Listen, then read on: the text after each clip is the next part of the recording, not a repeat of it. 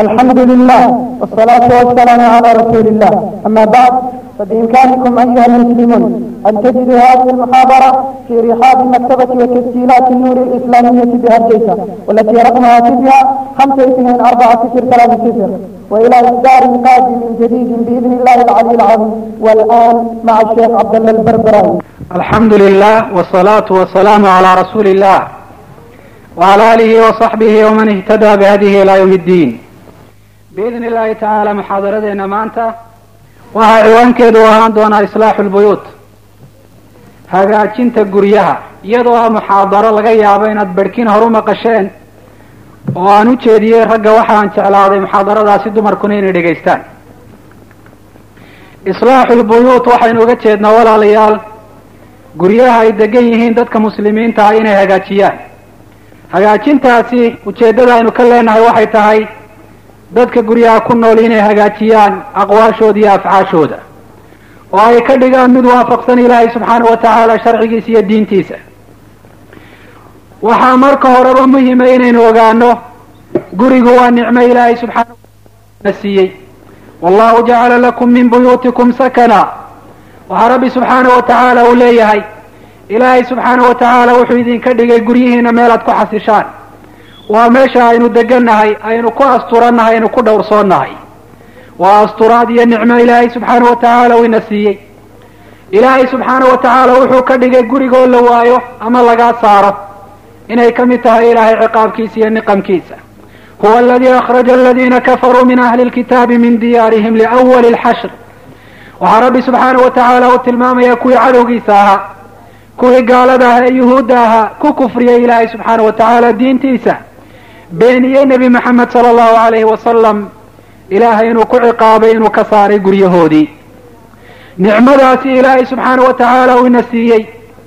Waxaa laga yaabaa inaynan aada u dareensanayn nicmadaasi waxaa dareemayay qofka waaya dadka aan guryaba haysanoo ilaahay aanu ku arsaaqin ee u hoydo shawaaricda iyo waddooyinka iyo guryaha hortooda iyo hareerahooda. Dadka guryahoodii ka qaxa ee musiiba ay ka saarto amaba see cadow markaasi uu ka saaro nicmada caynkaasi waxay dhammaystirmaysaa oo ay noqonaysaa mid manaafic yeelata midhana dhasha. Marka guriga la hagaajiyo laguna maamulo ilaahay subxaana wa tacaala sharcigiisa iyo diintiisa. Qofka muslimka waxaa jira walaalayaal waxyaabo ku kalifaya inuu hagaajiyo gurigiisa oo sabab u noqonayo arrinka noocaasi inuu ka soo baxo uu ku dadaalo. Waxaa ka mid a waxyaabahaasi wiqaayatu nafsi walahli min annaar waasalaamati min cadaabi jahannam si uu uga ilaaliyo naftiisa iyo ehelkiisa iyo dadkiisa naarta. Oo uga badbaadiyo naftiisa cadaabta jahannama. Oo ah mid aad iyo aada u kulul. Oo aynaan u dulqaadan karin. Jidhkeennuna aanu taxamuli karin. Ilaahay baa wuxuu ihi subxaanahu wa tacaala yaa ayuha aladiina aamanuu quu anfusakum wa ahliikum naara. Kuwa iimaanka laga helayow ka ilaaliya naftiina iyo ehelkiina naar ka ilaaliya. Waxyaabaha naarta lagaga ilaaliya naftiiyo ehelka waxaa ka mid a islaaxu lbuyuut guryaha in la hagaajiyo. Qofka muslimkaa isagoo ka cararaya naarta iyo cadaabkaasi jahaname ee kulul waxa uu ku dadaalaya inuu hagaajiyo gurigiisa. Arrinta labaad waxay tahay qof kasta oo muslima oo ka mida dadka muslimiinta ee guriga degan gaar ahaan dadka mas'uuliyaddu ay saaran tahay waxaa ilaahay subxaanahu wa tacaala uu ka dhigay kuwa la raaciyay guriga iyo cidda ku nool.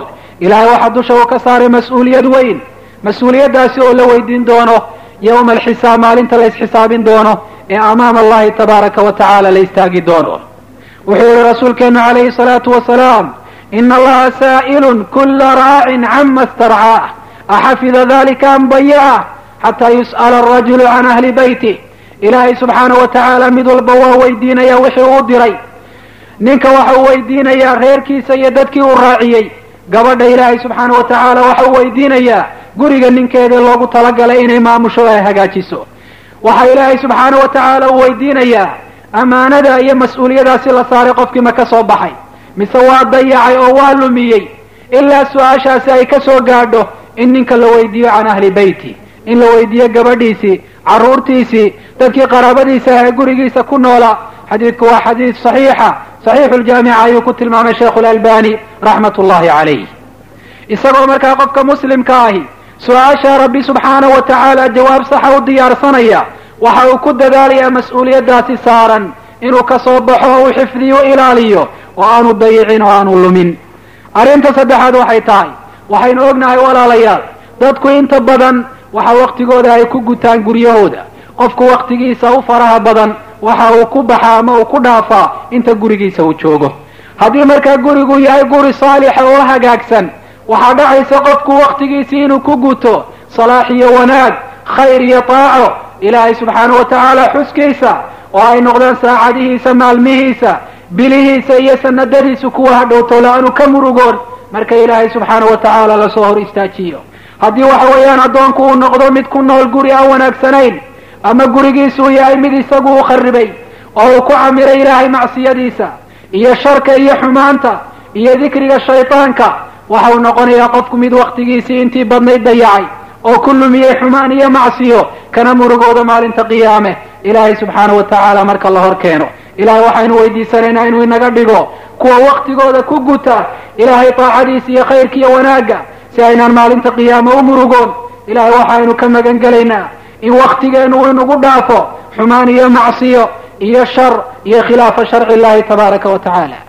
Arrinta afraad waxay tahay walaalayaal waxaynu ognahay mujtamaca muslimka ahi waxa uu ka kooban yahay shaksiye iyo afraad shaksiyadaasi iyo dadkaasi waxa ay abuuraan ama ay sameeyaan guri.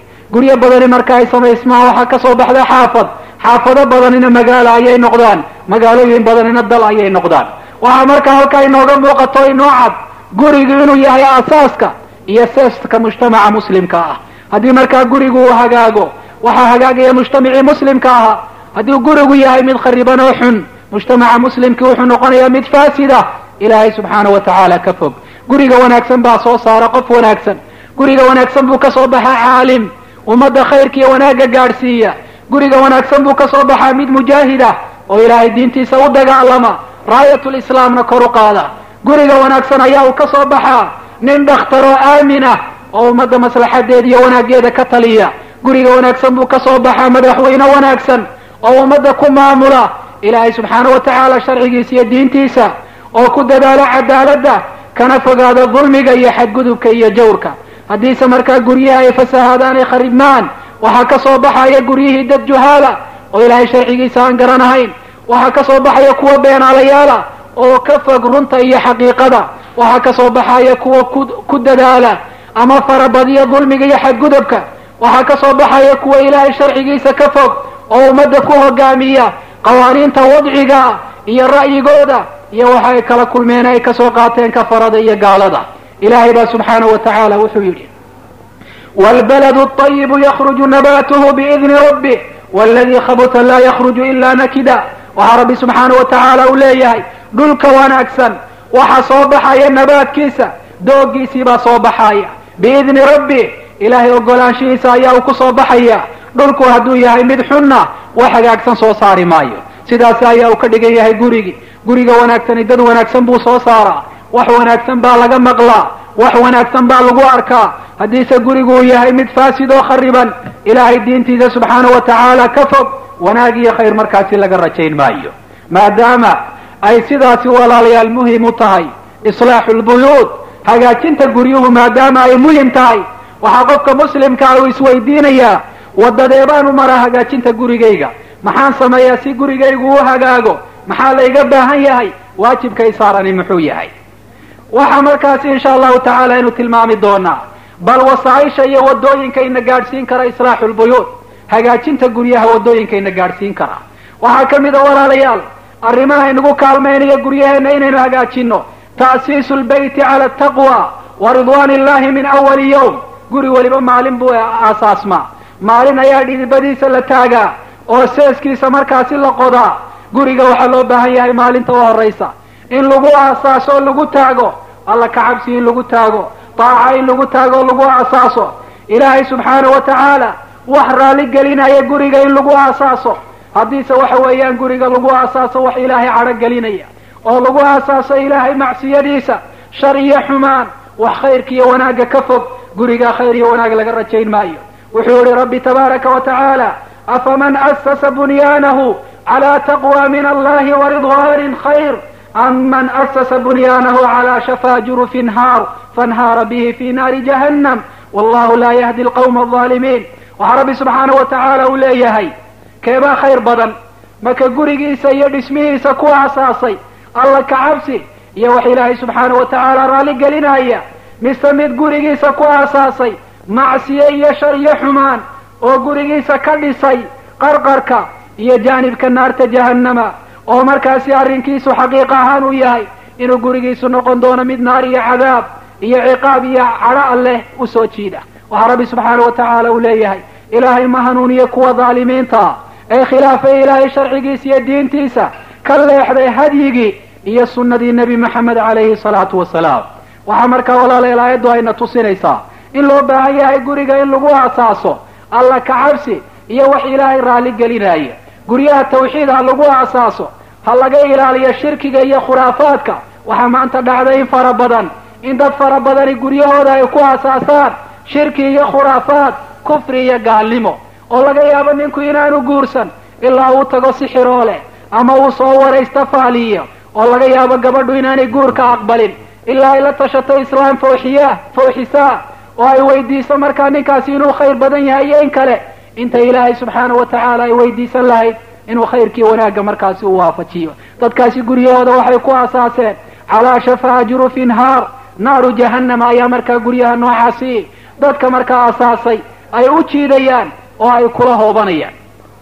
Guryaha waa in laga ilaaliyo bidaca iyo waxaa khilaafsan sunnada rasuulka calayhi salaatu wasalaam marka la aasaasayo waxyaabo fara badan ayaa jira oo dadku marka ay aamineen inay diin tahay oo ilaahay subxaana wa tacaala ay ugu dhowaanayaan marka guryahooda ay asaasayaan. Waxyaabahaasi oo aan ku sugnayn sunnada rasuulka calayhi salaatu wasalaam dad fara badani walaalayaal waxay ku aasaasayaan guryahooda macsiyo iyo wax ilaahay subxaana wa tacaala ka fogeynaya. Waxaa dhacda in ninku maalinta uu gabadha u geed fadhiisanaayo laga yaabo inuu macaasi fara badan sameeyo sida inuu soo kaxaysto kuwa sawira oo sawir ka qaada ama ha ku sawiraan kamara caadiya ama ha ku sawiraan kamara video arrinka noocaasi waa gurigii oo macsiyo lagu aasaasayo. Dumarka qaarkood baa laga yaaba arrinkaa inay shardi ka dhigaan oo ay moodayaan arrinkaasi inuu yahay horumar iyo wanaag inuu yahay arrinka noocaasi darajo iyo sharaf. Iyagoo markaasi mooganan ogeyn inay gurigoodii xumaan iyo macsiyo ku aasaasayaan guryaha qaarkood baa lagu aasaasayaa qaawanaan iyo xumaan iyo dumarkii oo banaanka la soo tubo iyagoon xijaab iyo waxaas turatoona aan gashanayn guryaha qaarkood baa lagu aasaasayaa dikru shaytaan xuska shaydaanka. Halkii lagu aasaasi lahaa ilaahay subxaana wa tacaala xuskiisa iyo wax rabbi subxaana wa tacaala suurta gelinaya guryaha aasaaskooda wanaagsan waxaa ka mid ah ikhtiyaaru lqariin waalrafiiq asaalix labada qofe guriga asaasaaya mid waliba waa inuu doorto qofka markaa nolosha la wadaagaya oo uu ku doorto sifaadka wanaagsan oo ay ka mid tahay inuu qofkaas yahay qof diin leh oo la dhaqan wanaagsan iyo akhlaaq wanaagsan sidaa awgeed ayaa rasuulkeenu calayhi salaatu wasalaam isagoo ka hadlaya baabka guurka iyo asaasitaanka guryaha wuxuu ihi tunkaxu lmar'atu liarbac limaaliha walijamaaliha walixasabiha walidiiniha fadfar bidaati ddiin taribat yadaak dadku dumarka afar bay u guursadaan. Qaar waxay u guursadaan quruxdooda qaar xoolahooday u guursadaan qaar waxay u guursadaan gabadha mansibkeeda iyo inay reer wanaagsan ka dhalatay waxaa kaloo loo guursadaa gabadha diinteeda. Haddaba ninka muslimkaayow haddaad doonaysa guri wanaagsan inaad aasaasto fadfar bidaati ddiin ku guulayso adigu ku dadaal. Gabadh markaasi diin leh oo gurigaaga markaasi diin ku dhaqda oo kugu kaalmaysa arrimahaaga aakhiro. Arrimaha diintaada waajibaadka ilaahay subxaanahu wa tacaala uu ku saaray. Wuxuu yihi rasuulkeenu calayhi salaatu wasalaam addunyaa mataac wa khayru mataaciha almar'atu asaalixa adduunyadu waa sahiyar iyo wax yaroo markaa uu qaato qofka musaafirkii oo kale waxaana u khayr badan adduunyada mataaceeda. Almar'atu saalixa gabadha wanaagsan ayaa u khayr badan. Waxaa rasuulku calayhi salaatu wasalaam uu ragga ku dhiiri gelinayaa marka ay guursanayaan inay doortaan gabadh wanaagsan oo ku markaasi sifaysan sifaad wanaagsan oo waafaqsan. Ilaahay subxaana wa tacaala diintiisa la dhaqan iyo akhlaaq wanaagsan oo ilaahay subxaana wa tacaala raalli uu ka yahay.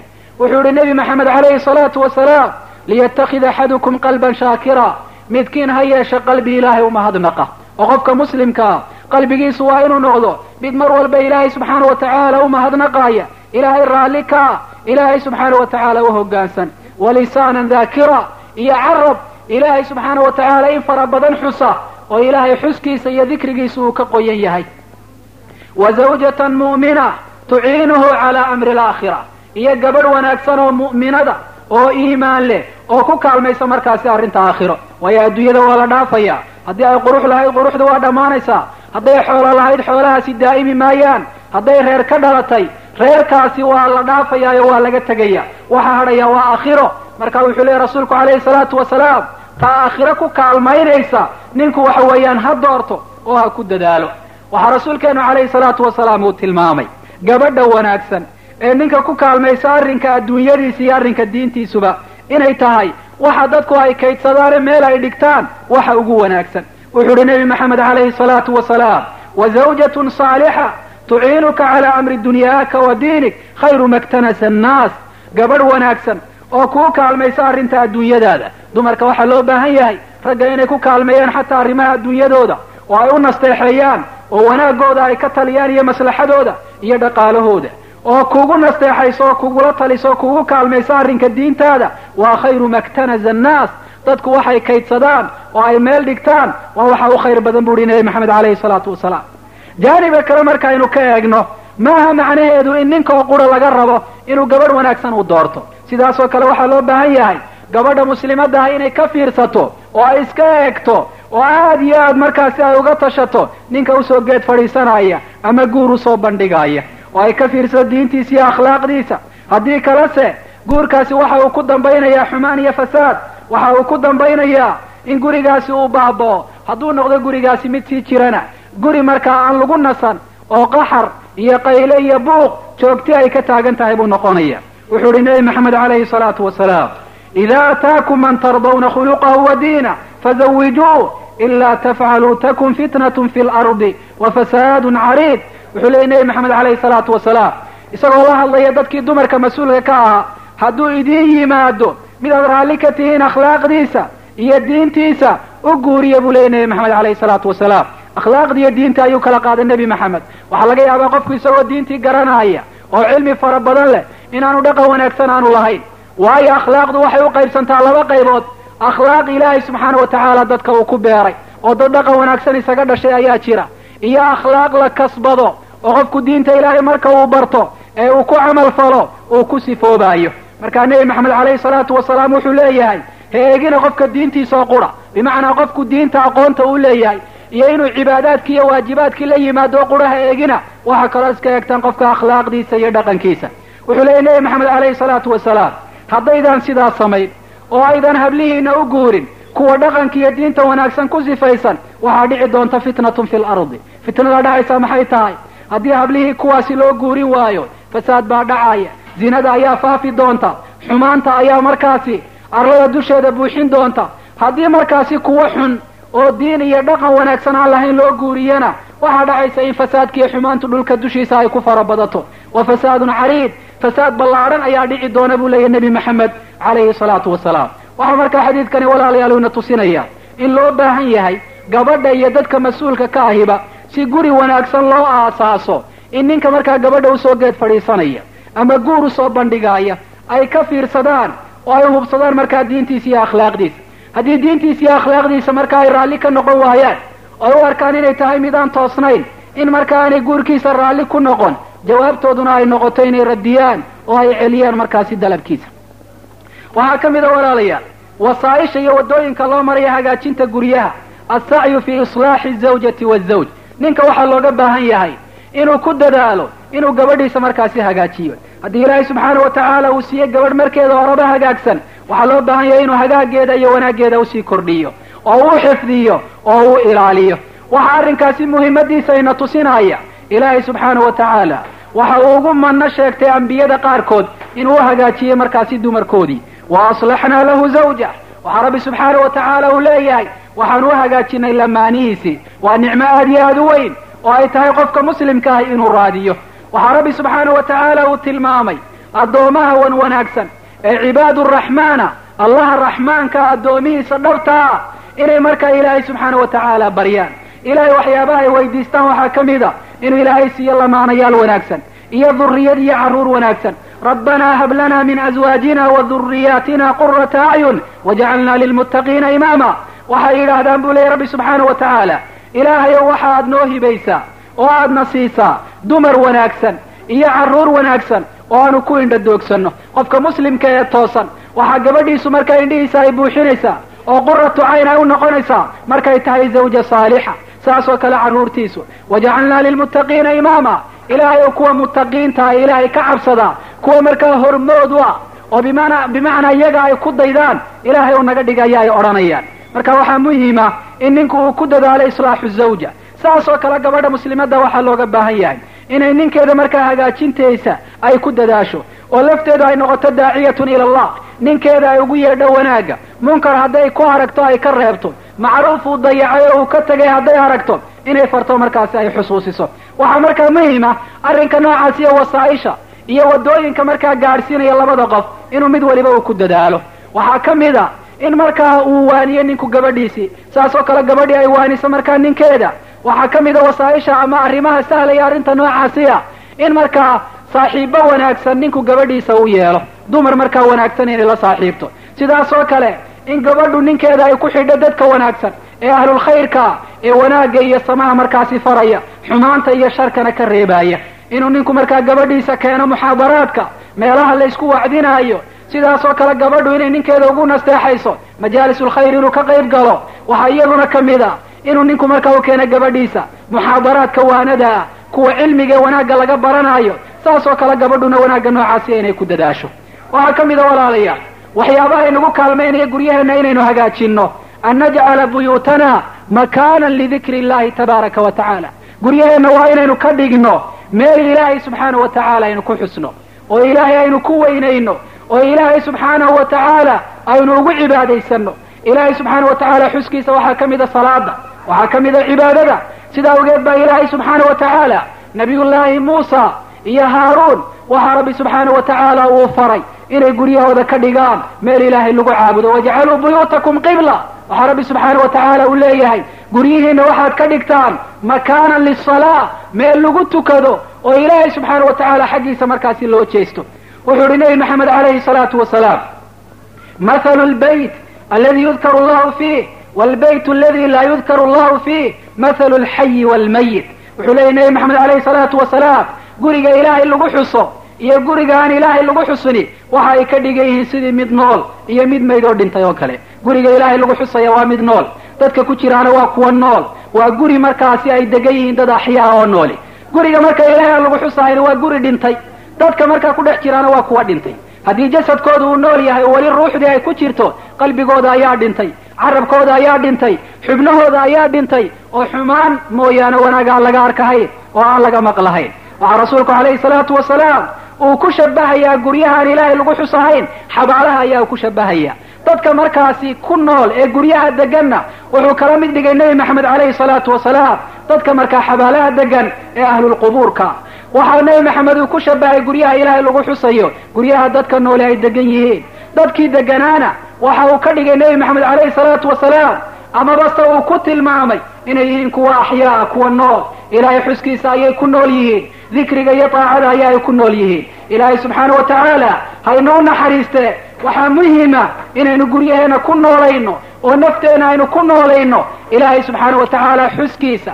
Waxaa markaasi maanta in fara badan dhacda in guryaha muslimiinta in badan oo ka mid a aan ilaahay lagu xusin subxaana wa tacaala hase ahaatee shaydaanka lagu xuso oo un qur'aan laga maqlo laakiin heese laga maqlo waxaa dhacda in guryahaasi aan salaad lagu oogin laakiin lagu oogo wax markaasi shaydaanka raalli gelinaya ilaahayna subxaana wa tacaala ka cadhaysiinaya in fara badanoo guryaha ka midi waa kuwa dhintay oo aan noolayn dadka ku noolla loo baahan yahay inay naftooda nooleeyaan guryahoodana markaasi ay nooleeyaan waxaa guryuhu walaalayaal ay ku hagaagayaan dadka guriga degan in la tarbiyadeeyo tarbiya iimaaniya oo lagu tarbiyadeeyo cibaadada iyo aadaabta sarraysa ee ilaahay subxaana wa tacaala uu soo dhiibay nebi maxamed calayhi salaatu wasalaam nebi maxamed calayhi salaatu wasalaam isagoo ahaa rasuulkii ummadda ahaa nebigii ilaahay subxaana wa tacaala uu soo diray waxa uu ku dadaali jiray in ahlilbeytkiisa uu tarbiyadeeyo oo uu ku tarbiyadeeyo cibaadada iyo khayrka. Waxay leedahay caaisha radia allahu canha kana rasuulu llah yusallii min alleyl faida awtara qaal qumii fa awtiri ya caaisha rawaahu muslim rasuulku calayhi salaatu wasalaam habeenkii wax ka mid a ayuu tukan jiray marka witriga uu tukado ayaa wuxuu odhan jiray caaisha istaag waa adiguna witriga tuko waa tarbiya iimaaniya iimaanka iyo cibaadada iyo dhaqanka wanaagsan ayaa rasuulku calayhi salaatu wasalaam dadkii guriga la deganaa uu ku tarbiyadaynaya wuxuu yihi nebi maxamed raxima allahu rajulan qaama min alleyl fasallaa faayqada imra'atah fasallat fain abat nadaxa fi wajhiha alma rawahu axmed wa abu daawuud ilaahay ha u naxariista buu leeyahy nebi maxamed waa u ducaynayaa ninka habeenkii istaaga ee tukada oo dabeetana khayrkiiyo wanaagga aan ku gaar yeelin naftiisa toosiyo gabadhiisa oo iyaduna ay tukato wuxuu leeyahy nebi maxamed calayhi salaatu wasalaam hadday diidana biyo markaasi wejiga kaga rusheeya si hurdadu ay uga duusho oo salaada iyo cibaadaiyo khayrka markaasi ay ugu istaagto. Saasoo kale ayaa gabadhana looga baahan yahay. Hadday habeenkii istaagtay salaad u kacdo inay ninkeeda toosiso. Salaada faralkaa saasoo kale inay u ilaaliso. Bal saxaabiyaadka kuwa ka midii raggoodii bay ka soo ashkatoodeen. Xadiid saxiixa oo imaamu abu daawuud uu warinayo waxaa u timi rasuulka calayhi salaatu wasalaam gabadh saxaabiyada. Gabadhaasi waxay ka ashkatoonaysaa ninkeedii. Waxyaaba ay kaga ashkatootay waxaa ka mid a inaanu u kicin ninkaasi salaada subax oo hurda markaasi ay salaada subax dhaafiso. Waxaa markaa rasuulku calayhi salaatu wasalaam ninkaa u weydiiyey sababta wuxuu yihi hurda ayaa nala tagta. Marka waxaa xadiidku ina tusinaya ama qisadu sida dumarka saxaabiyaadka ee muslimaadka ahi ay ahaayeen kuwa ugu dadaala cibaadada dadka guriga kula nool walow zawjki iyo ninkaba ha ahaadee ay ahaayeen kuwa wanaagga iyo khayrkiiyo cibaadada u fara oo kula dadaala. Haddii markaasi ay ka tagaan arrinka noocaasi ugu cadhooda. Wuxuu yihi nebi maxamed calayhi salaatu wasalaam isagoo ina faraaya dadka guryaha degan si ay guryuhu u hagaagaan in cibaadada lagu tarbiyadeeyo. Walow haba noqdaan carruur yar yare muruu awlaadakum bisalaa wa abnaa'u sabca siniin. Carruurtiina salaada fara buu uhi nebi maxamed calayhi salaatu wasalaam. Iyagoo toddoba jir ah. Wadribuuhum calayha wahum abnaa'u cashri siniin. Wafariquu baynahum fi lmadaajic haddii salaada ay ka tagaan garaaca buu uhi nebi maxamed calayhi salaatu wasalaam. Haddii toban jir ay gaadheen. Wafariquu baynahum fi lmadaajic hablaha iyo inamadana furaashka u kala duwa. Bimacnaa meel kala duwan. Ha seexdaan xadiidka imaamu tirmidi baa warinaya waa xadiid saxiixa. Waxa uu tusinayaa sida looga baahan yahay. Dadka guriga mas'uulka ka ah ama rag ha noqdaan ama dumar ha noqdaan inay markaa dadka guriga degan xataa carruurtii yaryarayd inay cibaadada ku tarbiyadeeyaan oo iimaanka ay ku tarbiyadeeyaan oo khayrkii wanaagga markaasi ay ku tarbiyadeeyaan. Waxa walaalayaal guryaheenu ay ku hagaagayaan. Alihtimaamu biladkaari sharciya wasunan almutacalliqa bilbuyuud inaynu tixgelinno oo aynu ilaalinno adkaarta iyo ducooyinka sharciga ah ee la xidhiidha guryaha ee shareecadu ayna fartay ama aynoo jidaysay inaynu akrino oo aynu la nimaadno marka guryaha aynu gelayno ama hoose marka aynu ka baxayno ama marka guriga dhexdiisa aynu joogno adkaartaasi waxaa ka mid a rasuulkeenu calayhi salaatu wasalaam isagoo ahaa mid inoo tudhaya oo inoo naxariisanaya khayrkiiyo wanaaggana inala jecel. Waxaa nebi maxamed calayhi salaatu wasalaam uu yidhi idaa dakhala arajulu bayta fadakara sma allahi tacaala xiina yadkul wa xiina yطcam qaala ashayطaanu laa mabiita lakum walaa casha'a haahunaa ninku marka gurigiisa u gala buuhi nebi maxamed calayhi salaatu wasalaam haddii ilaahay uu xuso oo uu idhaahdo bismi illah marka guriga u galaayo iyo raashinka loo soo dhigo marka uu cunaayo shaydaanku wuxuu yidhaahdaa isagoo la hadlaya shayaadiinta ka dambaysa ee isagoo hormoodka u yahay laa mabiita lakum walaa casha'a haahunaa halkan hooy idinma yaallo. Gurigan uma hoyan kartaan. Albaabadiisii waa laydinka xidhay. Maxaa albaabkii ka xidhay? Bismi illah ayaa ka xidhay. Walaa casha'a haahunaa halkanna casha idinma taallo. Waxaa markaa xadiidku walaalayaal ina tusinayaa shaydaanku inuu ku soo talagelaayo inuu gurigaaga markaasi u hoydo oo gurigaagu u noqdo ma'wa shayaaiin meel shayaadiinta ay u hoydaan sida xamaamka iyo kudaafadaha oo kale. Waxaa shaydaanku uu ku soo talagelayaa in cashada iyo raashinka aad cunayso uu kula cuno oo uu ka qayb qaato. Bal wuxuu tilmaamay nabigeenu calayhi salaatu wasalaam inuu shaydaanku soo xaadiro u yimaado arrin kastoo qofku markaasi uu qabanayo agteeda. Wuxuu leeyahy nebi maxamed waxaa markaa kaa celinaya shaydaanka cadowga kuwa ee ku daba taagan ee gurigaaga inuu uhoydo kula casheeyo doonaya marka aad guriga galaysid inaad tidhaahdo bismi illah wain dakala falam yadkur isma allahi cinda dukuulih qaala adraktum lmabiit wuxuu leeyahy nebi maxamed calayhi salaatu wasalaam haddii qofku gurigiisa uu galo oo ilaahay aanu xusin marka gurigiisa uu galaayo shaydaanka wuxuu yidhaha isagoo shayaadiintii kale markaa u yeedhaya oo u baaqaya adraktum lmabiit hoygii caawo waad hesheen markuu guriga gelaya mar haddaanu ilaahay xusin ilaahay xuskiisa albaabkay naga xidhi lahaaye albaabadu waa inoo ballaqan yihiin oo waa inoo furan yihiin shayaadiintao dhan baa isu habarwacanaya gurigaagii bay isugu imanayaan. Gurigaagii ayay u hoyanayaan. Adigoo arki maysid hase ahaatee fi lxaqiiqa way u hoyanayaan siduu sheegay nebi maxamed calayhi salaatu wasalaam. Meel shaydaan uu kula joogo maxaad umalaynaysaa khayrkiiyo wanaagga waa ku seejinaya. Khafladiyo mooganaan buu kugu ridaya. Xumaanta iyo sharka iyo foolxumadana waa uu kuu qurxinaya. Wuxuu leeyahy nebi maxamed wain lam yadkur isma allahi cinda maطcamih qaala adraktum almabiita waalcashaa haddaanu ilaahay xusin marka uu cuntadiisa cunaayo wuxuu idhahdaa shaydaanku markii guriga uu soo galaayey ilaahay muu xusin. Markaa gurigii waynu soo gallo arrinkaasi waynu helle kaasi waa xaasil garoobay.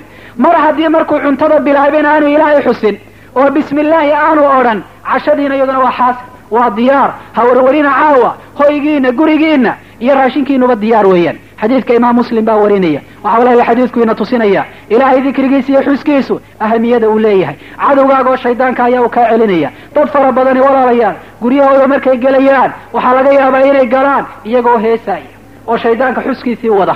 Shaydaanku waa xaggee buu kaga hadhaya waxaa laga yaaba iyagoo caytamaya ama laqwi ku hadlaaya amaba ilaahay dikrigiisa iyo xuskiisaba moogan inay guryahooda galaan. Hadhow bay ka cabanayaan shaydaan odhanayaan ilmihii baa la dureeyey gabadhii buu jin u galay ama shaydaan u galay aniga ayaa markaasi si kalaysan oo wax kala dareemaya gurigii mushkilad iyo dhibaato ka dhacday ayaa ay ka cabanayaan iyaga ayaana guryahooda shayaadiintii ku soo fasaxay albaabadiina u furay markii ilaahay subxaana wa tacala ay xusi waayeen sidaas oo kale walaaliya waxaa loo baahan yahay qofku gurigiisa markuu ka baxaayo inuu ilaahay xuso wuxuu yihi nebi maxamed alayhi salaatu wasalaam idaa kharaja arajulu min beyti faqaala bismi illah ninku haddii uu ka baxa gurigiisa oo marka uu ka baxaayo oo uu yidhaahdo bismi illah tawakaltu cala allah. Ilaahay baan tala saartan arrinkayga u dhiibtay. Laa xawla walaa quwata ila billah.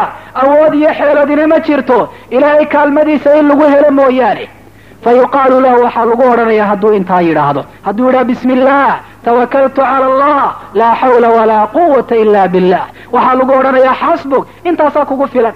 Qad hudiit waa lagu hanuuniyey wanaaggii baa lagu waafajiyey khayr iyo wanaag inaad ku dhawaaqdo ayaa lagu waafajiyey. Wa kufiita waa lagugu fila lagugu filaaday oo bimacnaa wax kasta oo ku dhibaatayn lahaa ilaahay baa kaa difaacaya. Wa uqiita waa lagu ilaaliyey oo waa lagu xifdiyey. Ballaqaadka caynkaasi ayaa ku siinaya ilaahay baa subxaana wa tacaala ku siinaya. Nebi maxamed baana sheegay calayhi salaatu wasalaam haddaad dikrigaa la timaado markaad guriga ka baxaysid in waxa weeyaan lagu ilaalinayo oo lagu hanuuninayo oo xataa camalkaaga markaa guriga ka bixitaankiisa ka dambeeya uu hagaagayo wuxuu leeyahy nebi maxamed fayataxanaa lahu shaytaan. Shaydaan baa markaasi u gabada ama guriga dhinaciisa u gala isagoo isku dayaaya inuu dhibaateeyo ama khayr iyo wanaag uu seejiyo ama xumaan iyo shar markaasi ugu yeedho. Shaydaanku waa cadowgeenna meel walba saas ayuu ku daba taagay. Gurigii markaad gelaysa ka hadhi maayo markaad ka baxaysana waa kan albaabka diyaarka kuugu ah. Wuxuu leeyahy nebi maxamed calayhi salaatu wasalaam fayaqulu lahu shayطaanu aakhar shaydaan kalaa wuxuu ku idhaahdaa kayfa laka birajulin qad hudiya wa kufiya wa wuqiya rawaahu abu daawuud watirmidi wuxuu dha waar iskaga leexo ninkan wadda aad u martaa ma jirto sidee baad u dhibaatayn kartaa ama aad wadda aad u marta aad ugu heli kartaa nin la hanuuniye ilaahay uu hanuuniyey nin markaa shar kasta lagaga filaaday xumaan iyo dhibaato kastana laga ilaaliyey wanaagaasi ayaa xuska ilaahay uu leeyahay subxaana wa tacaala marka guryaha laga baxaayo sidaas oo kale walaalayaal guriga gudihiisa marka la joogo waxaa loo baahanya in adkaarta la ilaaliyo oo qofku markuu xamaamkiiyo suuliga gelayo inuu ilaahay shaydaanka ka magan galo oo uu yidhaahdo waxa weeyaan ilaahay baan ka magan gelayaa shaydaanka kiisa lab iyo kiisa markaasi dhadigba. Allahuma inii acuudu bika min alkhubuthi walkhaba'ir inuu ducadaasi akriyo. Markuu suuliga ka soo baxayo inuu idhaha kufraanag ilaahay u dembi dhaaf baan ku weydiisanayaa iyo inaad wixii xumaanaan galay aad iga dhaaftid. Sidaas oo kale marka la seexanayo in ilaahay la xuso. Oo markaa soo jeedkii lagu khatimo ilaahay xuskiisa iyo adkaartiiyo ducooyinka markaasi hurdada marka la soo tooso waxaa loo baahanya in ilaahay subxaana wa tacaala la xuso. Gurigii markaa muxuu noqonaya meel mar walba ilaahay lagu xusayo. Meel ilaahay lagu xusayana lagu khasaari maayo. Malaa'igta ayaa markaasi imanaysa. Oo dadkaasi hareeraynaysa. Waxaa ku soo degaysaa ilaahay subxaana wa tacaala naxariistiisa waxaad daboolaysa markaa xasilooni iyo deganaasho gurigaas wuxuu noqonaya markaa guri degan oo xasiloon. Waxaasoo dhan waxaa inoo sheegay nebi maxamed calayhi salaatu wasalaam wa huwa saadiqu lmasduuq nebi maxamedna waa mid run sheega waana mid ilaahay subxaana wa tacaala waxa uu sheego o dhan markaasi uu rumeeyo. Waa mid ay waajib tahay dadka muslimiinta ahina inay waxa weeyaan rumaystaan. Waxaa walaalayaal ka mida waxyaabaha guryaheenu ay ku hagaagayaan.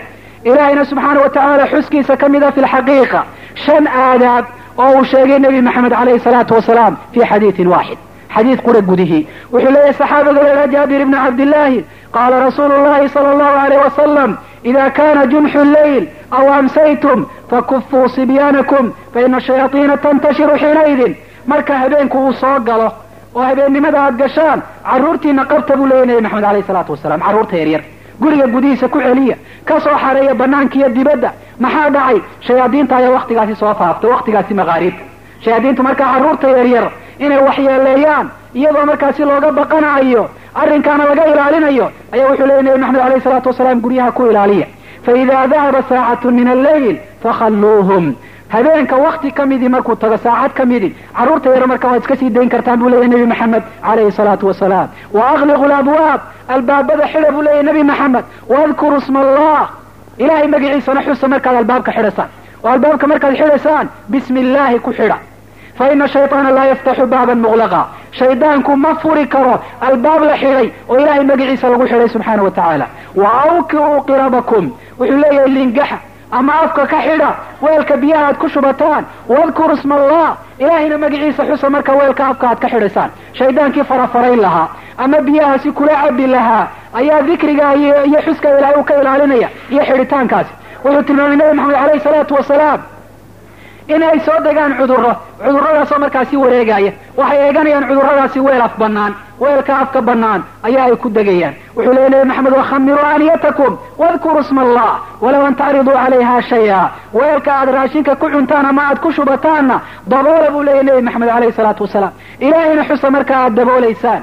Xataa haddaad u weydaan wax kaloo aad ku dabooshaan walow saxarna ahaade wuxuu sidaasi ugu gudba buu leeyahy nebi maxamed. Wa adfi'uu masaabixakum baktiya buu leeyahay faynuusyadiina bimacnaa faynuuska waxaa looga jeedaa daba oo dhan. Wax allaala wixii daba ee laga baqanayo guriga iyo dadkaba inuu gubo baktiya buu leeyahy nebi maxamed alayhi salaatu wasalaam xadiidka bukhaariyo muslim baa warinaya. Wuxuu xambaarsan yahay aadaab iyo tilmaamo iyo tarbiyo iyo baritaan nebi maxamed alayhi salaatu wasalaam ummadiisa uu barayo. Wax anfacayo wax tar u leh oo ka ilaalinaya markaa baasiga iyo dhibaatada tii jinku uu keeni lahaa iyo shayaadiintu iyo tii insiga iyo dadkuba ay keeni lahaayeen. Waxaa kaloo walaalayaal iyaduna muhima oo guryaheena hagaajinaysa in markaa dadka guriga ku nool wax la baro. Tacliimu ahli lbeyt wuxuu leeyahy ilaahay tabaaraka wa tacaala yaa ayuha aladiina aamanuu quu anfusakum wa ahliikum naara. Kuwa iimaanka laga helayow naftiina iyo ehelkiinaba ka ilaaliya naar buu leeyahy rabbi tabaaraka wa tacaala. Macnaheedu waxa uu noqonayaa waxa aad fartaan wixii markaa naarta ay kaga badbaadi lahaayeen. Waxaad u diidaan aad ka hor istaagtaan. Wixii naarta gelinayay ee sababaya ilaahay inuu cadhoodo dabeetana cadaabkiisa iyo ciqaabkiisa uu geliyo. Arrinka noocaasi waxaa markaa uu ku soo xaasilaya ama uu ku dhacaya. Dadkii wanaagga la baro la faro. Xumaanta markaasi la baro. Inay xumaan tahay oo laga reebo markaasi looga digo sidaa awgeed ayaa wuxuu yihi daxaak iyo muqaatil xaqun cala almuslim an yucallima ahlahu min qaraabatihi wa imaa'ihi ma farada allahu calayhim wamaa nahaahum canhu. Waa waajib saaran qofka muslimka ah inuu baro ehelkiisa iyo qaraabadiisa waxa ilaahay uu ku faral yeelay iyo waxa ilaahay subxaana wa tacaala uu diiday.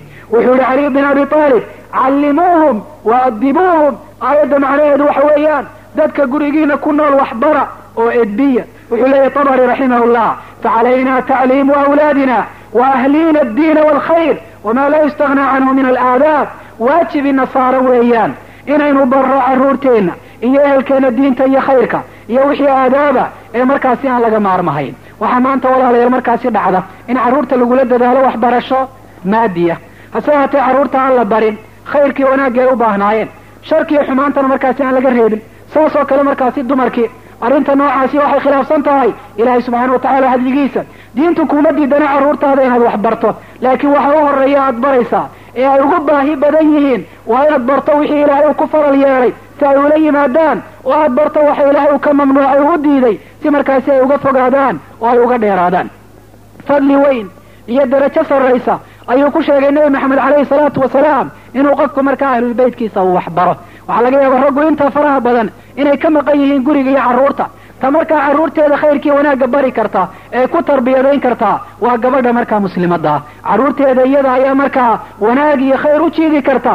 Iyada ayaa haddii ay dayacdana shar iyo xumaan markaasi u horseedi karta. Waxaa markaa ka mid ah waxyaabaha inoo horseedaya guryaheenna inaynu hagaajinno inaynu baranno. Aadaabta islaamiga ee la xidhiidho markaasi guryaha ee shareecada islaamku markaa ayna bartay ee aynoo jidaysay.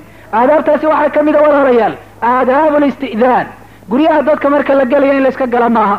Waayo saynu tilmaanay gurigu waa meesha dadku ay ku asturan yihiin ee ay ku dhowrsoon yihiin ee markaasi ay ku raaxaysanayaan. Haddii la ysaga galo iyadoona golaansho la weydiisan. Waxaa dhacaysa arrinka noocaasi inay dhibsadaan. Dadkii muslimiinta ahaa xumaan ay qalbiga markaasi isugu qaadaan sida awgeed ilaahay wuxuu yidhi يا أيها الذين آمنوا لا تدخلوا بيوتا غير بيوتكم حتى تستأنسوا وتسلموا على أهلها ذلك ilaahayna tabaaraka wa tacaala arrinka noocaasiya waa idinka abaalmarin doona aayaddu marka waxay noo xambaarsan tahay oo ay noo tilmaamaysaa aadaab ka mida markaa aadaabaha haddii lala yimaado lagu dhaqmo guryaha ay ku hagaagayaan. Waa aadaabu listi'daan waa aadaabta markaa guriga marka la gelayo in isti'daan la dalbo. Oo guriga dadka aan la iska gelin isti'daanku wuxuu noqonayaa guriga in la garaaco iyadoon albaabka aan la isku beegahayn ee albaabka dhinaciisa la istaagayo. Waa inaanu saddex jeer ka fara badan siduu tilmaamay nebi maxamed calayhi salaatu wasalaam qofka marka la yidhaahdo waa kuma waa aniga inuu yidhaahda waa khalad. Nebi maxamedna waa diiday waa inuu qofku yidhaahdo waa hebel isagoo magaciisa markaasi sheegaya. Waxaa loo baahaya inuu salaamo dadkii markaa guriga deganaa aadaabta noocaasiyana guryuhu waa ku hagaagayaan wuxuu diiday nebi maxamed calayhi salaatu wasalaam qofku inuu daalacdo ama meel uu ka eego guri ay daddegan yihiin iyagoo arrinka noocaasi aan raalli ka ahayn oo aan ogolayn. Waxaanu tilmaamay arrinka noocaasi inuu indhihiisa hadur ka dhigayo oo ciddii ka riday ee gurigaa deganayd aan looga qisaas ahayn wax maga iyo wax magdhowana aan loo weydiinahayn man iطalaca fii bayti qawmin bigayri idnin fafaqa'uu caynahu falaa diyata lahu walaa qisaas. Rawaahu axmed wuxuu leeyay nabi maxamed alayhi salaatu wasalaam qofka soo eega oo meel doorasho ka eega guri ay dad leeyihiin iyagoon arrinka aan u ogolaan oo dabeeta isha ay ka soo ridaan ay ka soo tuuraan falaa diyata lahu walaa qisaas. Magna ma laha qisaasna ma laho dadka isha looga tuuri maayo. Waa xadiid saxiixa. Waxa uu markaa xadiidku inoo tilmaamayaa ahamiyadda ay leedahay in dadka guryahooda aan la gelin ama aan meel laga eegin iyadoon ogolaansho aan laga haysan. Qofka ishiisii dhammayda qaaliga ahayd ee hadduu nin yahay magteedu ay ahayd konton halaad ayaa laga dhigay hadur iyo midaan waxba laga soo qaadin. Markii dadka guryahooda markaasi uu eegay waayo arrinka noocaasi guryihiibuu fasahaadinaya cawraadkii uu markaasi muujinaya sirihiiba arrinka noocaasi uu faafinaya fasaadka noocaasiya ayaa shareecada islaamku ay ka hortegaysaa waxaa iyaduna muhiim adaabta istiidaanka ka mid a carruurta yaryar ee aan qaan gaadhin qolka markaa hurdada ee dadka waaweyne ay degan yihiin. Looma ogola inay iska soo galaan saddex waqti oo ilaahay subxaana wa tacaala uu tilmaamay يا أيها الذين آمنوا ليستأذنكم الذين ملكت أيمانكم والذين لم يبلغوا الحلم والذين لم يبلغوا الحلم منكم ثلاث مرات من قبل صلاة الفجر وحين تضعون ثيابكم من الظهيرة ومن بعد صلاة العشاء ثلاث عورات لكم ليس عليكم ولا عليهم جناح بعدهم. طوافون عليكم بعضكم على بعض. كذلك يبين الله لكم الآيات. والله عليم حكيم. وصلاة الصبح كور iyo waktiga duhurkii ee hurdee markaa loo mariyo dhigto iyo waktiga salaada cishaa'id dabadeed. Waxaa ilaahay subxaana wa tacaala uu tilmaamay saddexdaa waqti inay yihiin saddex waqti oo cawraa oo dadku hurdaa u diyaar sidaa awgeed ayaa carruurtoodii yaryarayd ee weli aan qaan gaadhin. Ee marka hore loo ogolaa inay iska galaan qolka hurdada iyagoon ogolaansho weydiisan. Ayaa waxaa rabbi subxaana wa tacaala uu tilmaamaya saddexdaa waqti in la baro oo lagu ilzaamiyo o lagu khasbo inaanay qolka hurdada soo gelin iyagoo markaasi aan ogolaansho helin. Waxaa ka mida markaa adaabta wanaagsan ee guryaha ay ku hagaagayaan altamyiizu bayna alrijaali waannisa hayri almaxaarim. In la kala sooco ragga iyo dumarka aan maxaarim aanin soo ahayn oo rag iyo dumarku markaa guriga dhexdiisa ay ku kala soocan yihiin waxaa ceeba dumarkii oon xijaabnayni in guriga dhexdiisa ay la fadhiistaan ragaan maxaarimtooda ka mid ahayn ama ay ku gacan qaadaan ama ay kula sheekaystaan arrinka noocaasi guriga waa fasahaadinaya waana kharibaya waxaa laga yaaba dadku inay yaraysanayaan waxaa markaa muhiima inay eegaan cidda ay caasiyayaan ee amarkiisa ay khilaafayaan weynida uu leeyahay wa huwa allahu subxaanahu wa tacaala waxaa adaabtaasi ka mida walaalayaal qofku kelidii guri inuu seexdo islaamku waa u diiday rasuulku calayhi salaatu wasalaam nahaa can ilwaxda an yabiita arajulu waxdahu aw yusaafira waxda. Rawaahu axmed bisanadin xasan. Waxa uu rasuulku diiday kelinimada inuu qofku kelidii safro ama inuu kelidii guri seexdo arrinka noocaasiya markuu diidan yahay nebi maxamed caleyhi salaatu wasalaam waxa uu ka talinaya danteena iyo maslaxadeenna haddii qofku kelidii guri uu seexdo xanuun baa qaban karaa inuu markaa baxaano way ku adkaan kartaa waxaa dhici karta inuu cadow yimaado ama inay tuug u yimaadaan ama inuu bahal u yimaado amabase inuu guriguba uu ku xidhmo oo meeluu ka baxo uu waayo. Marka arrinka noocaasiya iyo dhibaatadaas iyadoo laga hortagaayo ayaa uu diiday nebi maxamed caleyhi salaatu wasalaam qofku kelidii inuu guri seexdo. Wuxuu diiday nebi maxamed caleyhi salaatu wasalaam qofku inuu seexdo guri dushii gurigaa dushiisa oo aan lahayn wax ka celiyo qofka dhicitaanka. Hadduu gurigu yahay tusaale ahaan guri fooqa oo aan lahayn gidaaro dusha sare ka taagan inuu fooqa iyo sadxigaa qofku seexdo waa diiday nebi maxamed caleyhi salaatu wasalaam waxaanu tilmaamay qofka noocaasiya xifdigii iyo ilaalintii ilaahay inuu kala noqdo ilaahay aanu ilaalinahay. Waayo qofkaasi isaga ee naftiisa dayacay marka uu habeenkii hurdada uu galo ee markaasi uu ilaabo ama uu kaflad ka galo wixii hareerihiisa iyo meesha uu hurdaa khatarta ay leedahay waxaa dhici karta inuu meeshaasi ka soo dhaco iyadoo arrinkaa laga hortegayo ayuu diiday nebi maxamed caleyhi salaatu wasalaam meesha noocaasi in la seexdo. Waxaa guryaheenu ay ku hagaagayaan ashuuraa bayna ahli lbeyt dadka guriga degani waa inay noqdaan dad wada tashanaya. Ilahay baa wuxu uhi wa amruhum shuuraa baynahum. Dadka muslimiinta arrinkoodu waa mid ay ka tashadaan. Marka dadka guriga wada degan ninka iyo gabadhiisa iyo caruurt carruurta haddii ay yihiin kuwa gaadhay xaalad loola tashado waxaa loo baahan yahay inay markaa wada tashadaan oo aanu noqon ninku markaa mid kelidii la go-a talada guriga ama gabadhu iyadoo ay go'aamo iska gaadho. Haddii dadku markaa ay wada tashadaan waxaa mid waliba uu dareemaya inuu ka kale ixtiraamayo.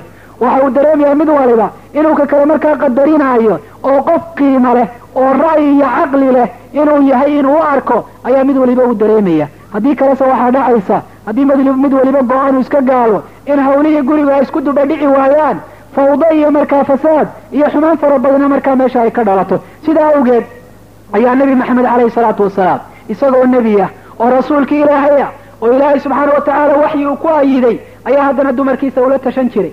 Dumarkiisuna waa la tashan jireen. Ahamiyada arrintaasi ay leedahay ayayna tusinaya ficilka rasuulku caleyhi salaatu wasalaam. Waxaa kaloo iyaduna muhiima walaalayaal oo guryaheenu ay ku hagaagayaan. Waxaa markaasi aynu tilmaanay guriga muslimka in loo baahay noqdo guri saalix oo dadka ku nool si fiican ay wada nool yihiin laakiin waxaa dhici karta xaaladaha qaarkood inuu khilaaf uu yimaado iyo ismaandhaaf waxaa markaa muhima khilaafka iyo ismaandhaafka carruurta inaan loo muujin. Haddii ninka iyo gabadhu tusaale ahaan ay isqabtaan oo carruurta hortooda inaanay ku murmin ama aanay markaasi ku hadal wax muujinaya inay iskhilaafsan yihiin inay ishaystaan waayo arrinta noocaasi waxay keensanaysaa in carruurtii ay qaybsamaan oo qaarkoodna ay hooyada raacaan qaarkoodna aabbaha oo meesha cadaawada ay ka dhalato oo qaarkoodna hooyadooda ay colaadiyaan qaarkoodna aabbahooda ay colaadiyaan oo meesha markaa ixtiraamkii iyo xuquuqulwaalidayn iyo wanaaggii uu ka baxo. Waxaa dhacaysa carruurta yaryar inuu markaa niyad jab uu ku dhaco oo tarbiyadoodu ay xumaato. Markaa si aanay arrintaasi u dhicin guriguna u hagaago. Wixii khilaafa iyo xallintiisa carruurta yaryar in loo muujiye maaha. Hortooda in laga sheego markaa lagu xusana maaha. Waxaa guryaheenu ay ku hagaagayaan. Xifdu asraari lbuyuut guryaha sirtooda in la xifdiyo la ilaaliyo weeyaan. Sirtaa waxaa ka mid ah asraaru listimtaac waxa dhex maraya ninka iyo gabadhiisa. Mid waliba waa inuu ilaaliyo. Waxaana rasuulkeena caleyhi salaatu wasalaam uu tilmaamay ninka ama gabadha sirtii ka kale faafinaya inuu yahay min shari innaasi cinda allah dadka kuwa u shar badan ilaahay subxaana wa tacaala agtiisa. Wuxuu nebi maxamed tilmaamay inuu ka dhigi yahay shaydaan la kulmay markaasi shaydaamad kula kulmay shaarica iyo waddada oo halkaasi markaa hawl ay ku sameeyeen iyadoo dadkuna ay daawanayaan. Arrintaasi inay fool xun tahay ayaa uu nebi maxamed caleyhi salaatu wasalaam inoo muujinaya. Marka tusaalaha noocaasi uu inoo yeelayo. Waxaa ka mid a xifdinta sirta la xifdinayo la ilaalinayo. Cadamu tasriibi alkhilaafaati zawjiya. Ninka iyo gabadha hadday iskhilaafaan khilaafkooda maaha inay dadka kala gaadhsiiyaan. Oo ninkuna rag oo dhan uu warramo. Gabadhuna markaa dumar oo dhan ay u warranto. Oo ninkuna uu yidhaahdo waar tii gurigeenu baryahan ba isku taagtaaganahay oo aanu ishaysanaa arrinkayguna balma hagaagsana oo wixii dhex mara markaa uu ka sheekeeyo. Iyaduna ninkeeda dumar ay uga cabato sidii ay wax ka qabanayaan? Ama ay u sheegto khaladaadkiisa oo ay uga sheekayso? Ilaahay subxaana watacaala isagoo aadaabta wanaagsan ina baraaya wuxuu ragga faray. Haddii dumarka markaasi ay ka dareemaan inaanay raggii adeecahayn oo amardiida ay samaynayaan inay waaniyaan inay firaashka uga tagaan inay garaacaan garaac markaasi aan bararinahayn واللاتي تخافون نشوزهن فعظوهن واهجروهن في المضاجع واضربوهن فإن أطعنكم فلا تبغوا عليهن سبيلا إن الله كان عليا كبيرا وحمان بركة أرنتها سيتوسينيسا in ilaahay subxaana wa tacaala uu ina farayo in ninku haddii khilaaf uu yimaado inuu isagu ku dadaalo inuu khilaafkaasi xalliyo. Marka koowaad isagoon cid kale aanu sheegin cid kalena aan gaadhsiin cid kalena wax weeyaan aan u bandhigin. Waxaa marka ilaahay subxaana wa tacaala uu tilmaamay haddii arrinkaasi uu xal keeni waayo khilaafkiina uu sidaasi ku dhammaan waayo inaan dadkao dhan aan la wada gaadhsiin oo aan laga dhigin khilaafkii guriga ka dhacay war lagu sheekaysto ummadoo dhan ay ku sheekaysato waayo arrinta noocaasi foolxumay keenaysaa waxay keenaysaa in xalkii iyo isku soo noqodkii iyo heshiiskii uu fogaado markii marka warkii meel walba uu ka dhaco oo dad markaasi fasaad ka shaqeeya ay qadiyadii arrinta ay soo dhex galaan oo labadii qof marka ay sii kala fogeeyaan. Labadii qof sida ay isugu soo noqdaan oo nolol wanaagsan ay ugu wada noolaadaan ayaa adkaanaysa. Ninku markuu xumaantii gabadhiisa oo dhan uu sheegay ragga gabadhiina marka ay u sheegtay dumarka oo dhan hadhow talo maxay ku wada noolaan doonaan? Waa ceeb waxaa hadhow talo la odhanaya war ma tii markaa wixii aynu ogeyn ka sheegaysay ayaa maanta la nool? Isagiina waxaa la leeyahy war ma kii waxaynu ogeyn ka sheegayey ayaa la nool markaasi gabadhii noloshii baa ku adkaanayso cidhiidhi ayaa ay gelayaan. Gurigiina saasi ku dhismi maayo.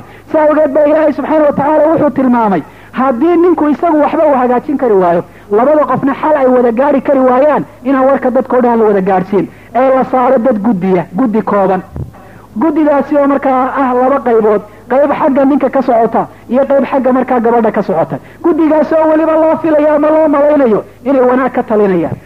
وإن خفتم شقاق بينهما فابعثوا حكما من أهله وحكما من أهلها إن يريدا إصلاحا يوفق الله بينهما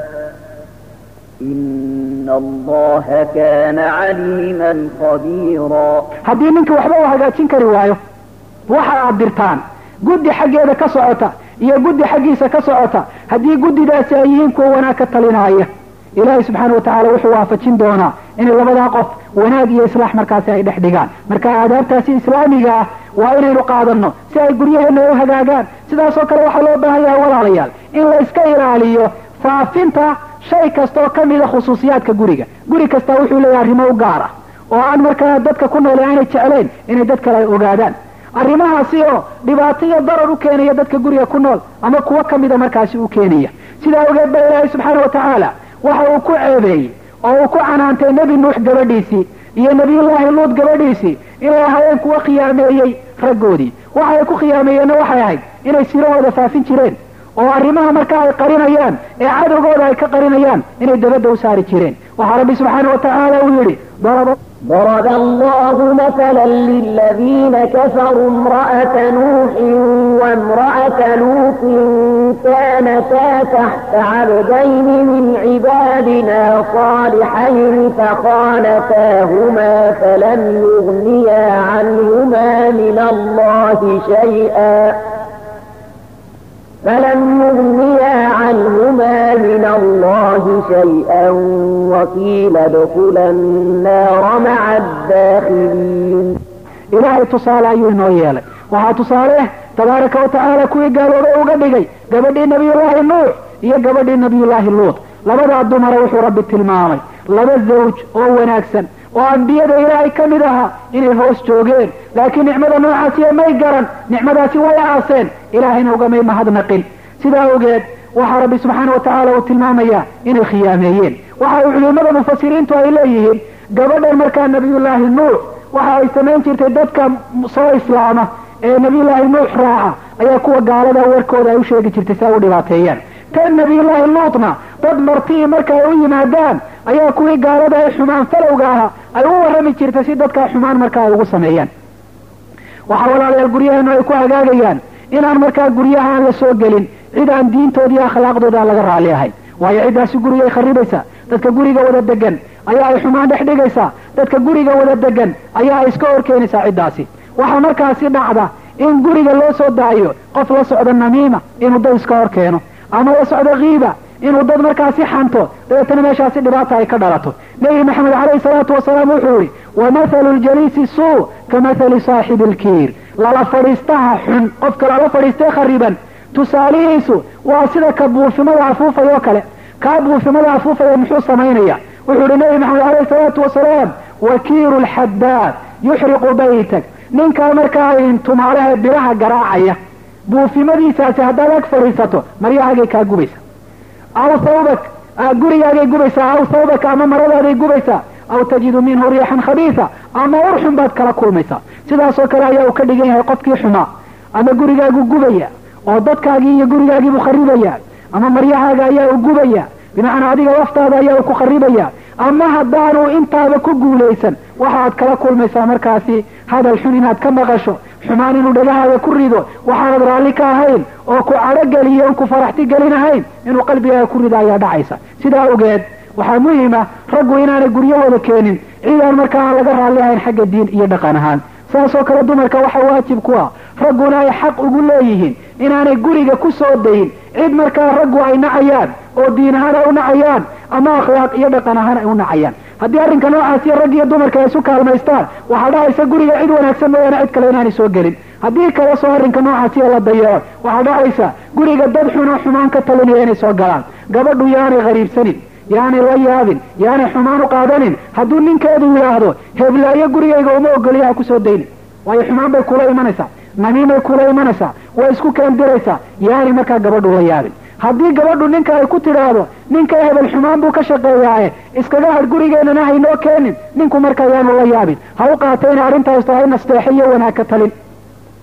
Iyo markaa iyadoo sharciga ilaahay tabaaraka watacaala la dabaqayo oo la raacayo.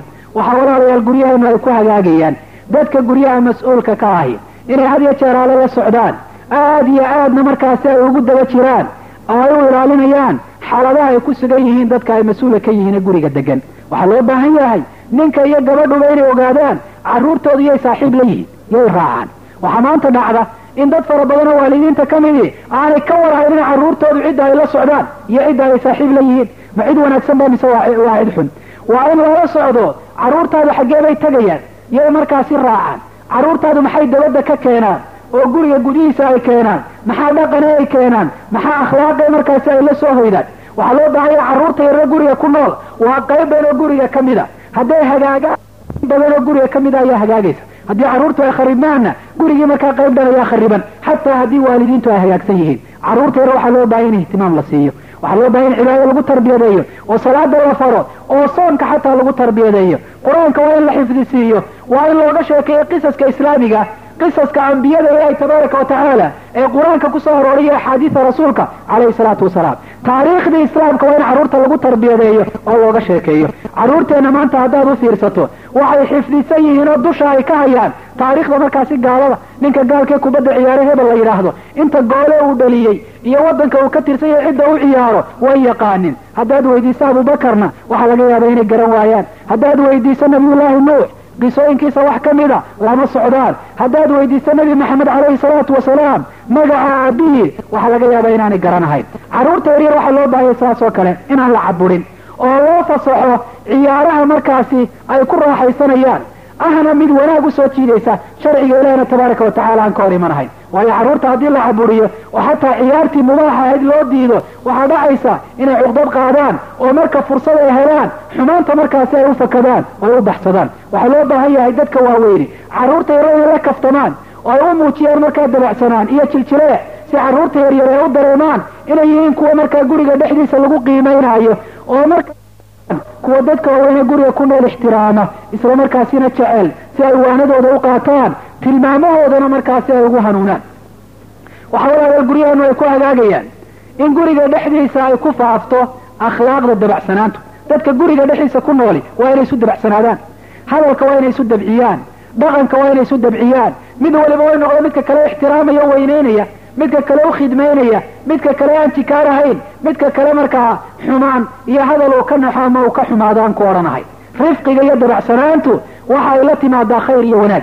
Bal dhegaysa wuxuu leeyay nebi maxamed calayhi salaatu wasalaam. Wuxuu yihi nebi maxamed idaa araada allahu biahli beytin khayra adkhala calayhim alrifqa haddii ilaahay dad guri degan khayr uu la doono wuxuu ilaahay alfaafkiiyo albaabka uga soo geliyaa dabacsanaan buu uga soo geliyaa. Manaa dabacsanaantu maxay keenaysaa khayr. Guriga khayr iyo wanaag bay u keenaysaa.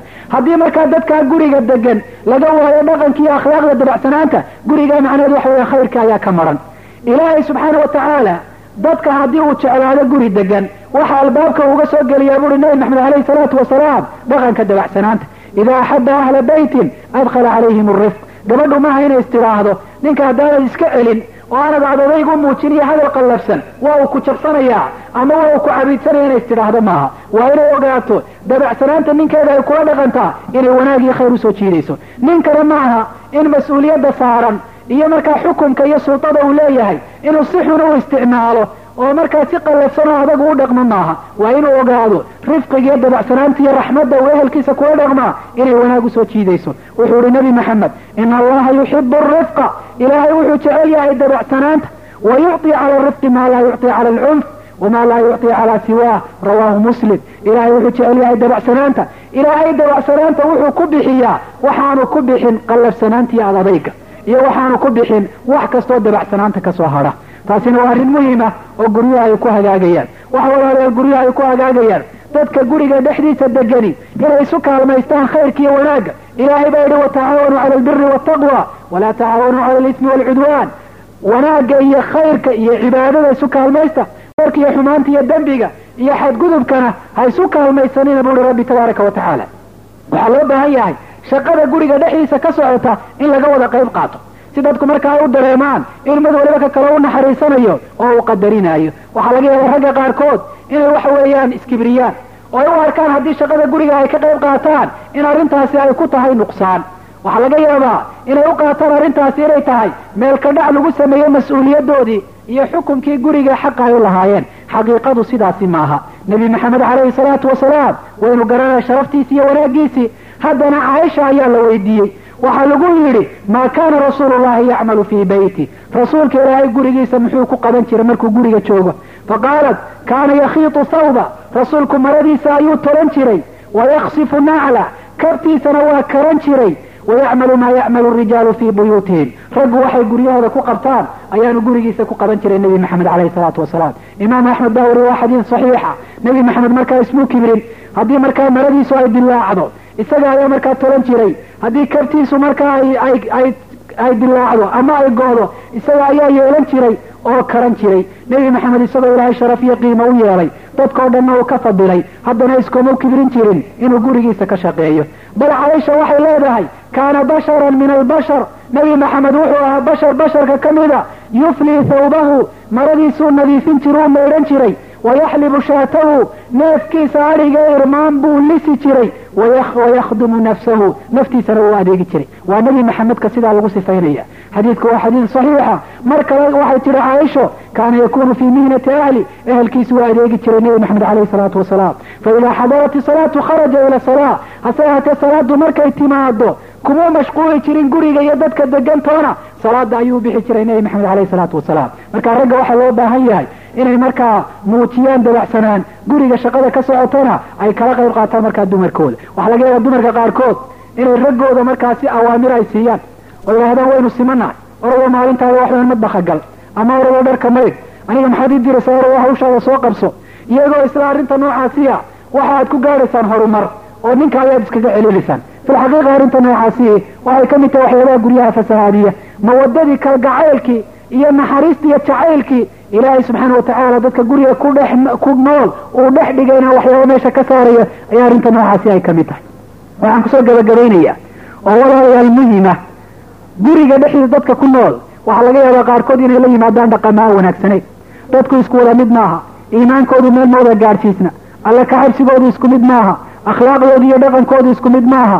Waxaa laga yaabaa qaarkood inay khalad la yimaadaan waxaa loo baahan yahay dadka guriga mas'uulka ka ah iyo dadka guriga ku wada nooli inay muqaawameeyaan ay ka hortagaan oo ay iska difaacaan. Dhaqan kastoo markaasi xun si aanu gurigooda u kharibin oo aanu u fasahaadin waayo dhaqankaa xuni xumaanta uu leeyahay maaha mid ku gaabsanaysa qofkaasi la yimi.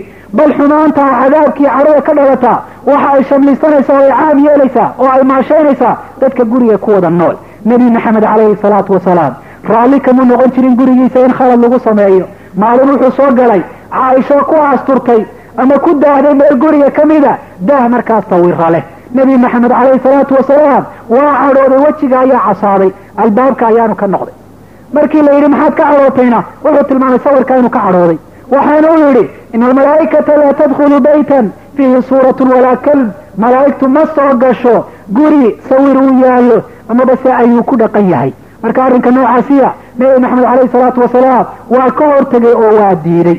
Waxay leedahay caaisha radia allahu canha kaana rasuulu llah ida طalaca calى axadi min ahli baytihi kadba kadba lam yazal mucridan canhu xata yuxdita tawba. Rawahu axmed wahuwa fi saxiixi iljaamic nebi maxamed calayhi salaatu wasalaam dadka guriga kula nool haddii mid kamida uu ku ogaado inuu hal mar been sheegay. Hadda laba jeer maaha waa hal mar nebi maxamed caleyhi salaatu wasalaam kamuu suuli jirin inuu ahaado mid qofkaasi ka sii jeesta. Oo u muujiya qofkaa inuu inkirsan yahay ficilkiisaana aan raalli ka ahayn ilaa qofkaasi uu toobad keenayo sidaa ogeed ayaa nebi maxamed caleyhi salaatu wasalaam wuxuu yihi calliqu sawta xaysu yaraahu ahlu lbeyt fa inahu aadaabun lahum. Waxaad ka lushaan jeedalka ama usha meel ay arkayaan dadka guriga markaasi degani. Waayo arrinta noocaasiya. Qofkii iimaankiisu oo celin waayo usha ayaa celinaysa waxaa celinaya markaa garaac iyo karbaash.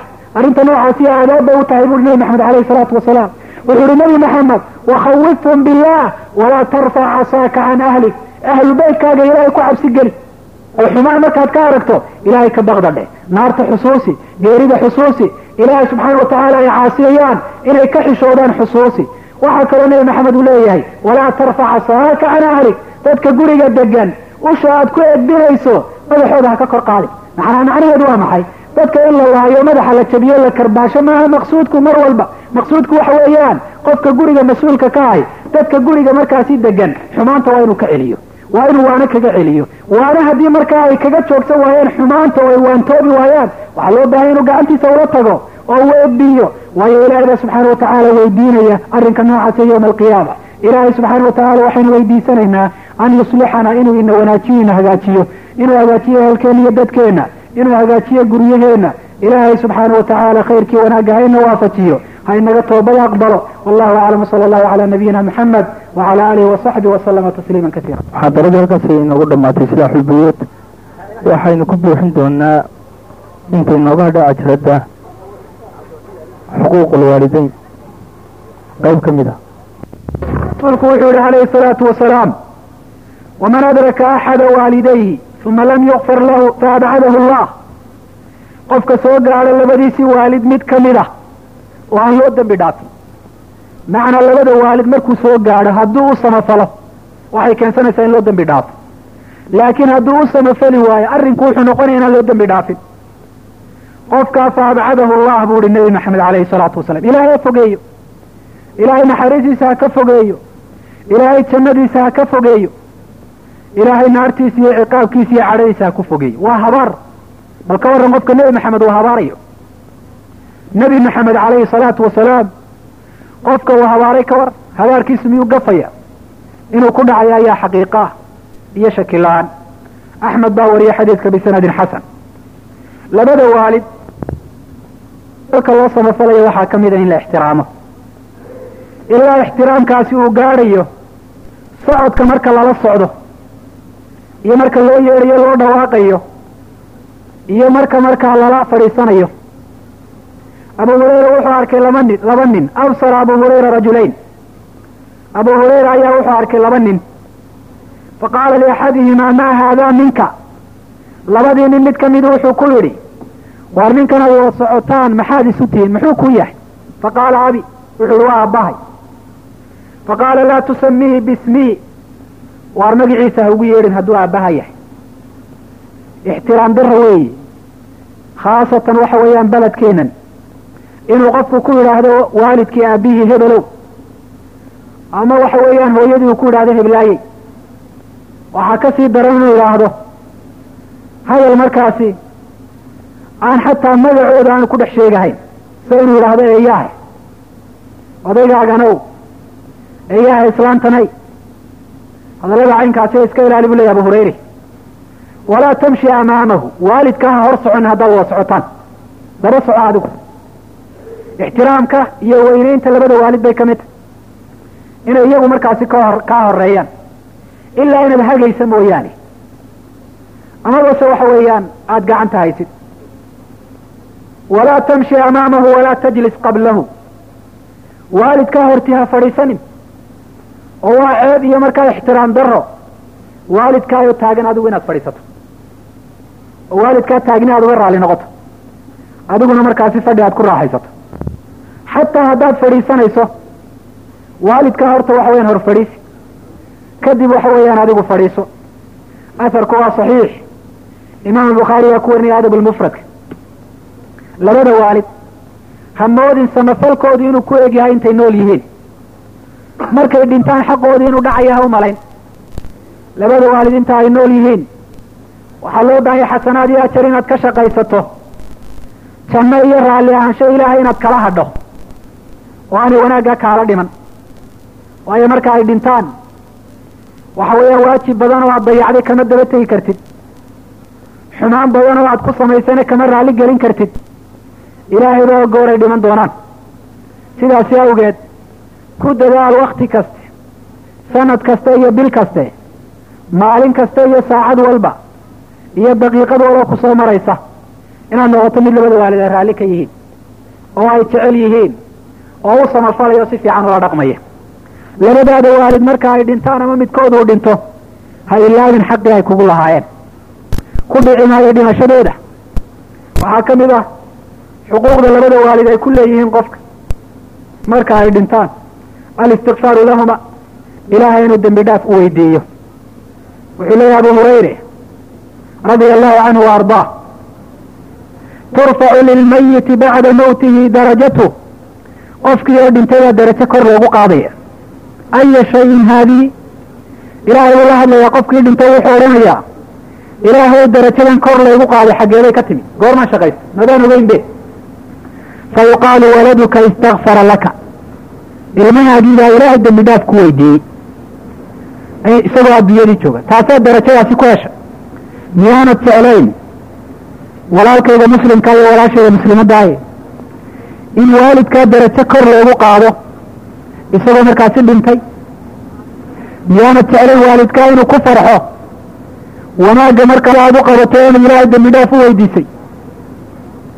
Miyaanad ogeyn yihi rasuulku calayhi salaatu wasalaam idaa maata ibnu aadam inqataca camaluhu ilaa min halaat ibnu aadamku markuu dhinto camalkiisii waa go-a ilaa saddex mooyaane saddexdaasi waxaa ka mid ahaa sadaqa jaariya sadaqa markaa socota oo dabadii lagu intifaaco aw cilmun yuntafac bih ama cilmi uu ka tago laga dhaxlay oo lagu intifaacayo aw waladun saalixun yadcuu lahu ama ilmo wanaagsan oo waalidkuu duceeyey ka kale laftiisu waalidki inuu duceeyo waa looga baahan yahay.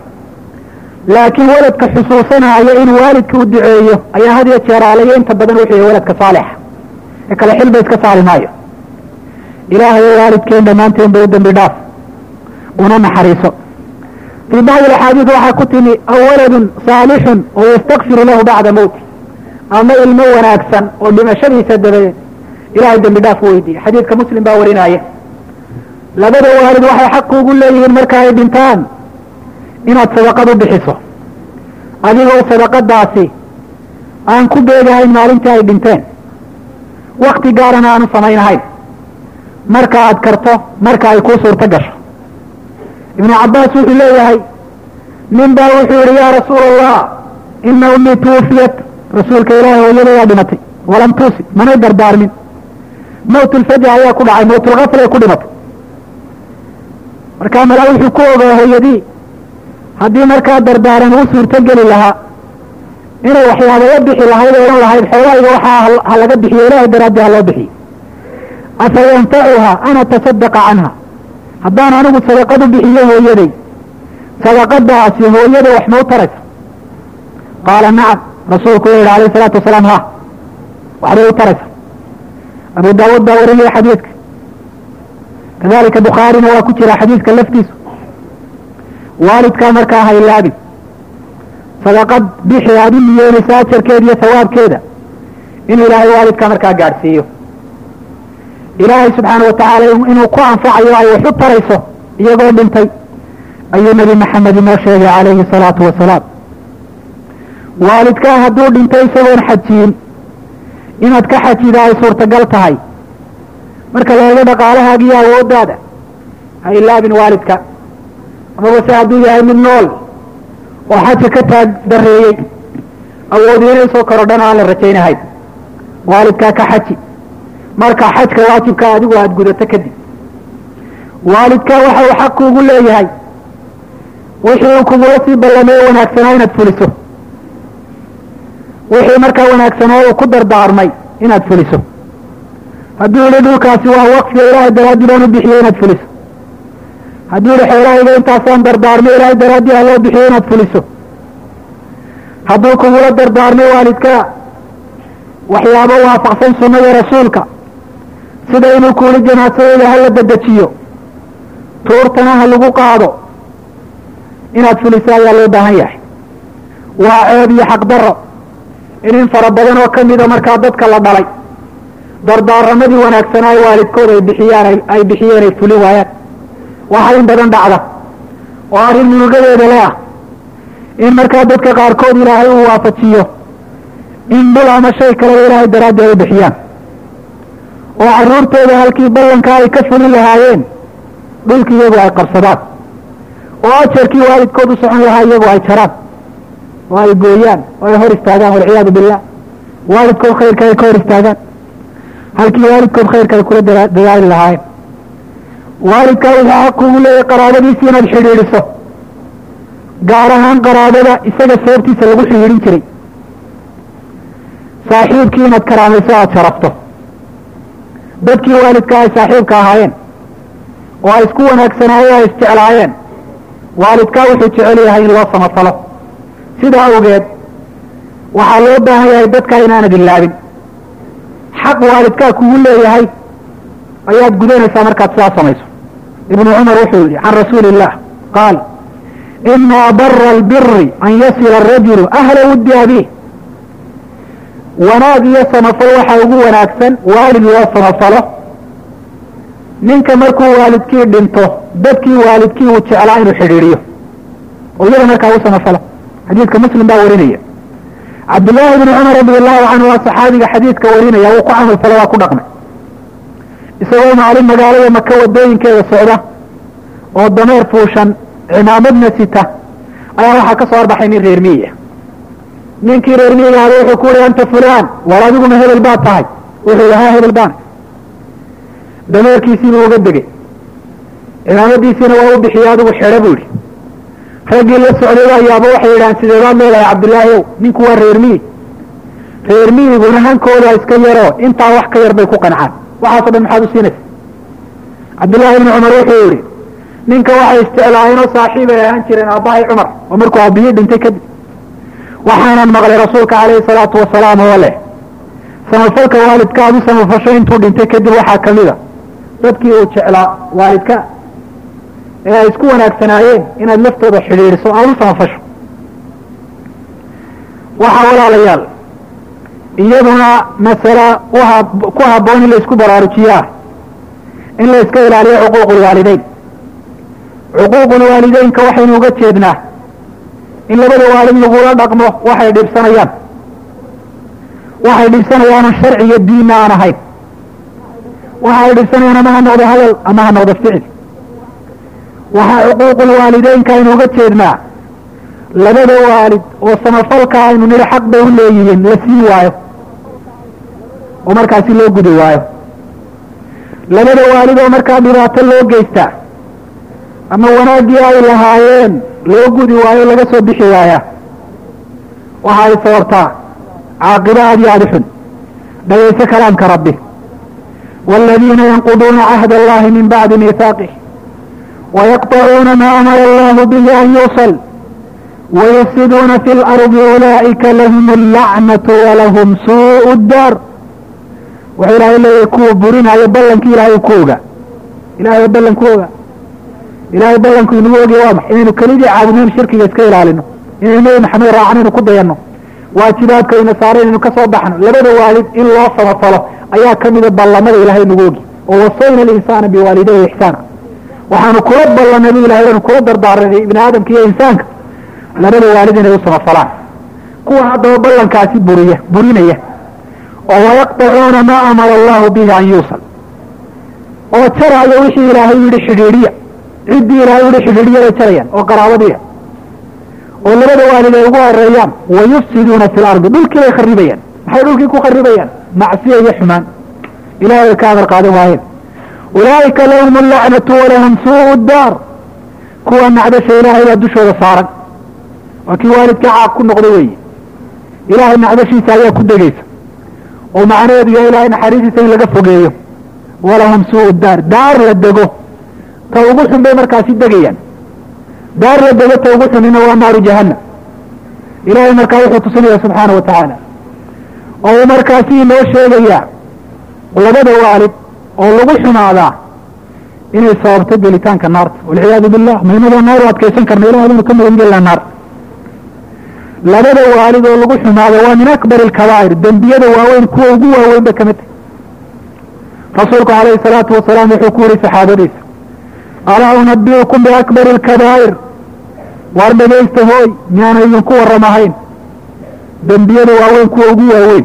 Halaatan saddex jeer buu saa ku celiyey rasuulku wuxuu rasuulku ugu celcelinaya calayhi salaatu wasalaam si hadalkaasi si fiican ay ugu dhegaystaan oo qalbigooda u galo qulnaa balaa yaa rasuula allah waxaanu nidhi leedahan saxaabadii haa rasuulka ilaahay noo sheeg aan iska ilaaline qaala alishraaku billah dembi la galo waxaa ugu weyn ilahay oo shirki loo sameeyo cibaadadii cid kale loo leexiyo ama laga dhaxaysiiyo wa cuquuqu lwaalideyn labada waalid oo markaa dhibaato iyo xumaan loo geysto ama samafalkoodii laga soo bixi waayo muttafaqun caleyh bukhaari muslim baa xadiidka wariyey waxaa ka mida markaa cuquuqu lwaalideynka oo kuwa ugu xun ka mida labada waalidoo afka loola tago ama gacanta loola tago walciyaadu billah.